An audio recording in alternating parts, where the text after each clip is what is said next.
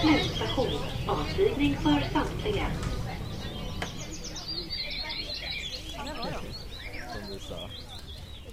Ser ni, det är eh, två stycken paddhanar. Nej, där är en till. Tre stycken paddhanar ser jag nu. Och sen så eh, en paddhane som sitter på ryggen på paddhonan där. Och det är så de gör när de ska para sig. Eh, att hanen då sätter sig på ryggen på honan och klamrar sig fast. Och det kallas amplexus när de sitter sådär.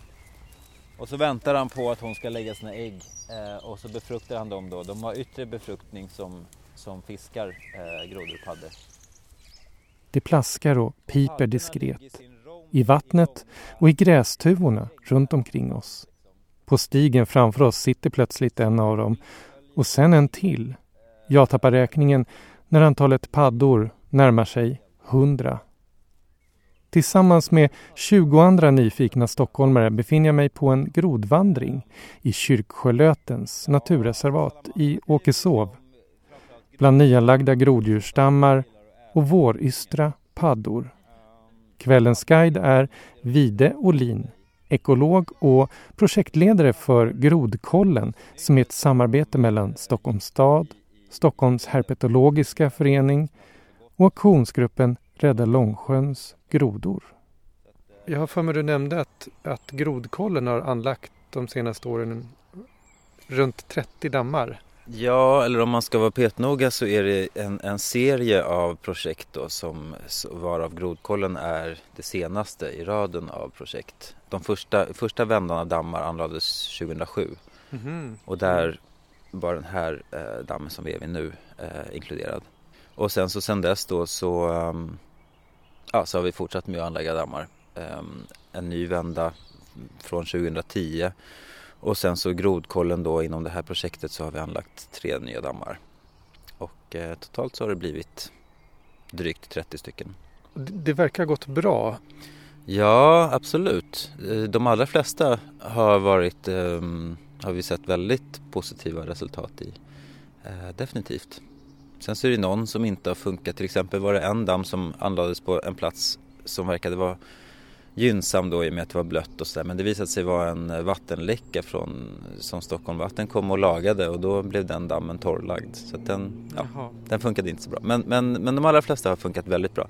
Som till exempel den på, på Långholmen då, eh, där grodpopulationen har ökat ja, åtminstone eh, ja, men tiodubblats eh, sen vi gjorde åtgärderna där. Sverige har idag 13 groddjursarter. Förutom paddan finns här bland annat två salamanderarter som väl snarast kan liknas vid grodor med svans. För den som vill titta på alla dessa groddjur så finns det olika bra tider på året. Inte minst våren är lämplig, anser Vide Olin. Ja, alltså leken eh, är ju på våren. Grodorna har ju en, en, en, en avgränsad och, och intensiv lek som eh, i Stockholmsområdet så, så, är den, så pågår den just nu alltså. Ehm, och på flera lokaler så har grodorna redan lagt sin, sin rom och är, och är därmed färdiga med leken i princip. Så, så, så om man vill se och uppleva leken så är det nu under, under våren. Ehm, Alltså april. Ja, april från i, i år och även då förra året så kom leken igång kring eh, 6 april. Men eh, jag tänker också på de här eh, sensommardagarna är det väl, när man knappt kan gå på en gräsmatta ibland utan att höra kraset av små eh, minigrodor som kryllar överallt. Ja, just det. Jo, nej men precis. Under olika delar av året så kan man ju uppleva då olika delar av eh, grodans livscykel så att säga. Eh, så att under, under ehm, ja, eh, juli i princip så, så kommer de här små grodorna upp. Då har de genomgått metamorfosen då och lämnar larv, larvstadiet. Och då är det ju som du säger ofta väldigt många av dem.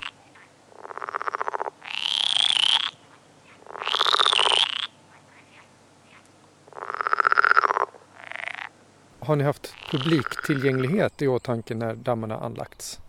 Ja, absolut, absolut. Eh, det är en jätteviktig del i det här arbetet att ja, att de här dammarna eh, blir någonting positivt för människor som rör sig i, i de här områdena också. Mm. Eh, just när man jobbar med stadsnära natur så här så, så, är, så är det superviktigt. Mm. Och det finns ju flera aspekter Oj, av där det. såg jag något. Jag tror det var en eh, salamander. Jag Det såg en svans Ja. som eh, simmade ner i, i djupet. Ja, vad härligt. Jag missade det helt. Jag stod och kollade åt andra hållet. Tror du att det var en större eller mindre? Eh, jag har inte tillräcklig expertis för att kunna avgöra. Jag såg en svans. Ja. Ja, vad kul. Ehm, ja, nej men alltså det handlar ju om många saker men, men eh, i, i grund och botten så är det väl helt enkelt så att folk Många tycker att det är spännande med ja, allt som, som lever i en damm liksom och att det är um, någonting som intresserar och fascinerar människor. Och då kommer jag att tänka på, eh, visst är det så att om man vill ha, om man har en damm eller om man är i närheten av en damm och tycker om groddjur så är det inte så bra att plantera in fisk. Nej, det stämmer bra. Det är en sån sak som, som, som har utgjort ett stort problem för, för eh, grod, groddjur. Att det är väldigt ofta så att det har planterats in fisk och, Vad är och kräftdjur. Vad är det där? Ja, där är en hästigel va? Oj! Mm. Som simmar upp mot... Ja, jag höll på att säga att den simmar upp mot ytan men det, den bara simmar nu här nära Mm. ytan. Den är ju väldigt stor, vad kan den vara? Fem centimeter? nästan. Ja, åtminstone. Eh, men de blir väl sådär Och en- där, blir- där är en vattenödla, en eller vattensalamander. Ja. Ser ut som en hane av mindre vattensalamander som blev nyfiken på den här igeln då och började följa efter den. Ja, titta. Den är ju mindre än, än igeln. Ja. Ja, visst. Ja, spännande. Men eh, det är väl inte så att den ser igeln som eh, mat, eller? Ehm, nej, inte i och med att den var så stor, men i, eh, salamandrar kan äta mindre iglar. Det kan de göra. Men eh, hästigeln kan ju äta salamandrar också, så det, är lite, det går lite fram och tillbaks där. Oj, så det var lite riskabelt för den där rödlan att simma efter. Ja, ja, vattensalamander då om man ska vara petnoga. Jag menar vattensalamandern. Ja, för att undvika förvirring liksom. Mm, vad, är- det ett vanligt misstag?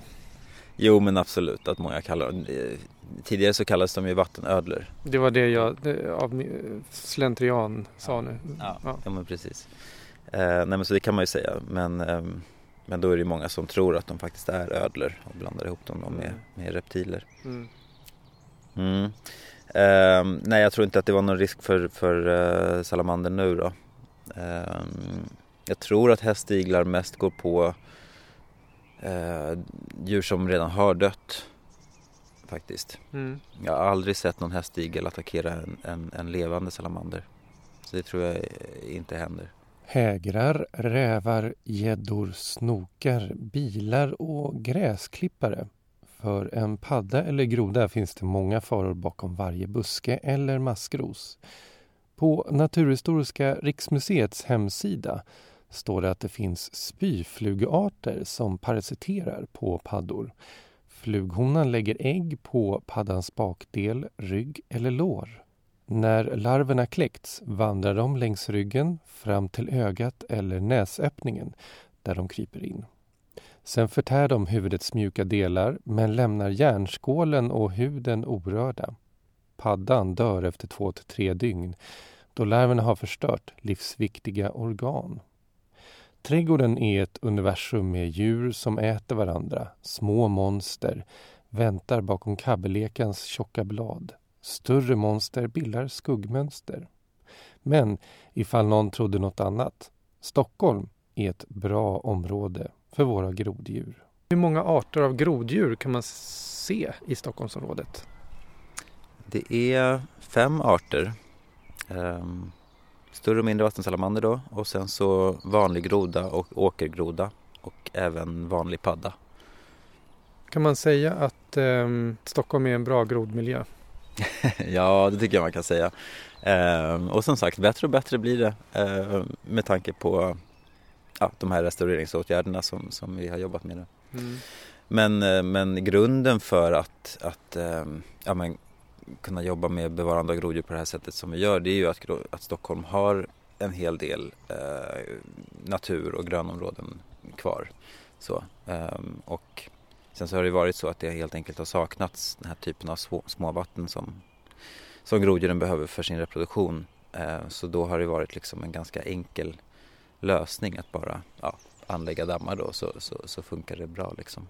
Vad är, det, vad är Stockholms bästa eh, groddjursparadis? Gud, för mig är det väldigt svårt att välja. Nu måste du välja. Ja, någon favorit alltså. Eh, det beror på vilka arter man är ute efter. Men ehm, ja, de här reservaten som vi är i nu, de är ändå väldigt fina och de har stora populationer av eh, de flesta groddjuren då. Åkergroda finns här vid Ljudan men, men inte i några stora eh, mängder vad jag har sett. Eh, men eh, men så Ljudanskogen och, och, och Kyrkolöten, jättefina eh, grodmiljöer. Och sen så ute på Djurgården, Kaknäs ängar och Isbladskärret ligger nära varandra och där, där finns också alla arter eh, och även då stora populationer av åkergroda. Eh, så där är också väldigt fint. Men, eh, och sen så i söderort så finns det också jättefina platser. I Älvsjöskogen så finns det jättebra eh, grodmiljöer och eh, Solbergsskogen har också ett fint eh, alkärr där det leker väldigt mycket grodor. Mm. I det allt tätare mörkret där i Åkeshov lyser mobillampor upp de våta stigarna. Var tionde meter, eller om de sitter ännu tätare, dyker nya paddor upp, ofta i grupp. Vide tar upp en av paddorna för att förklara hur man kan se skillnad på paddor och grodor. Paddornas hud är vårtig medan grodorna har en slät hud.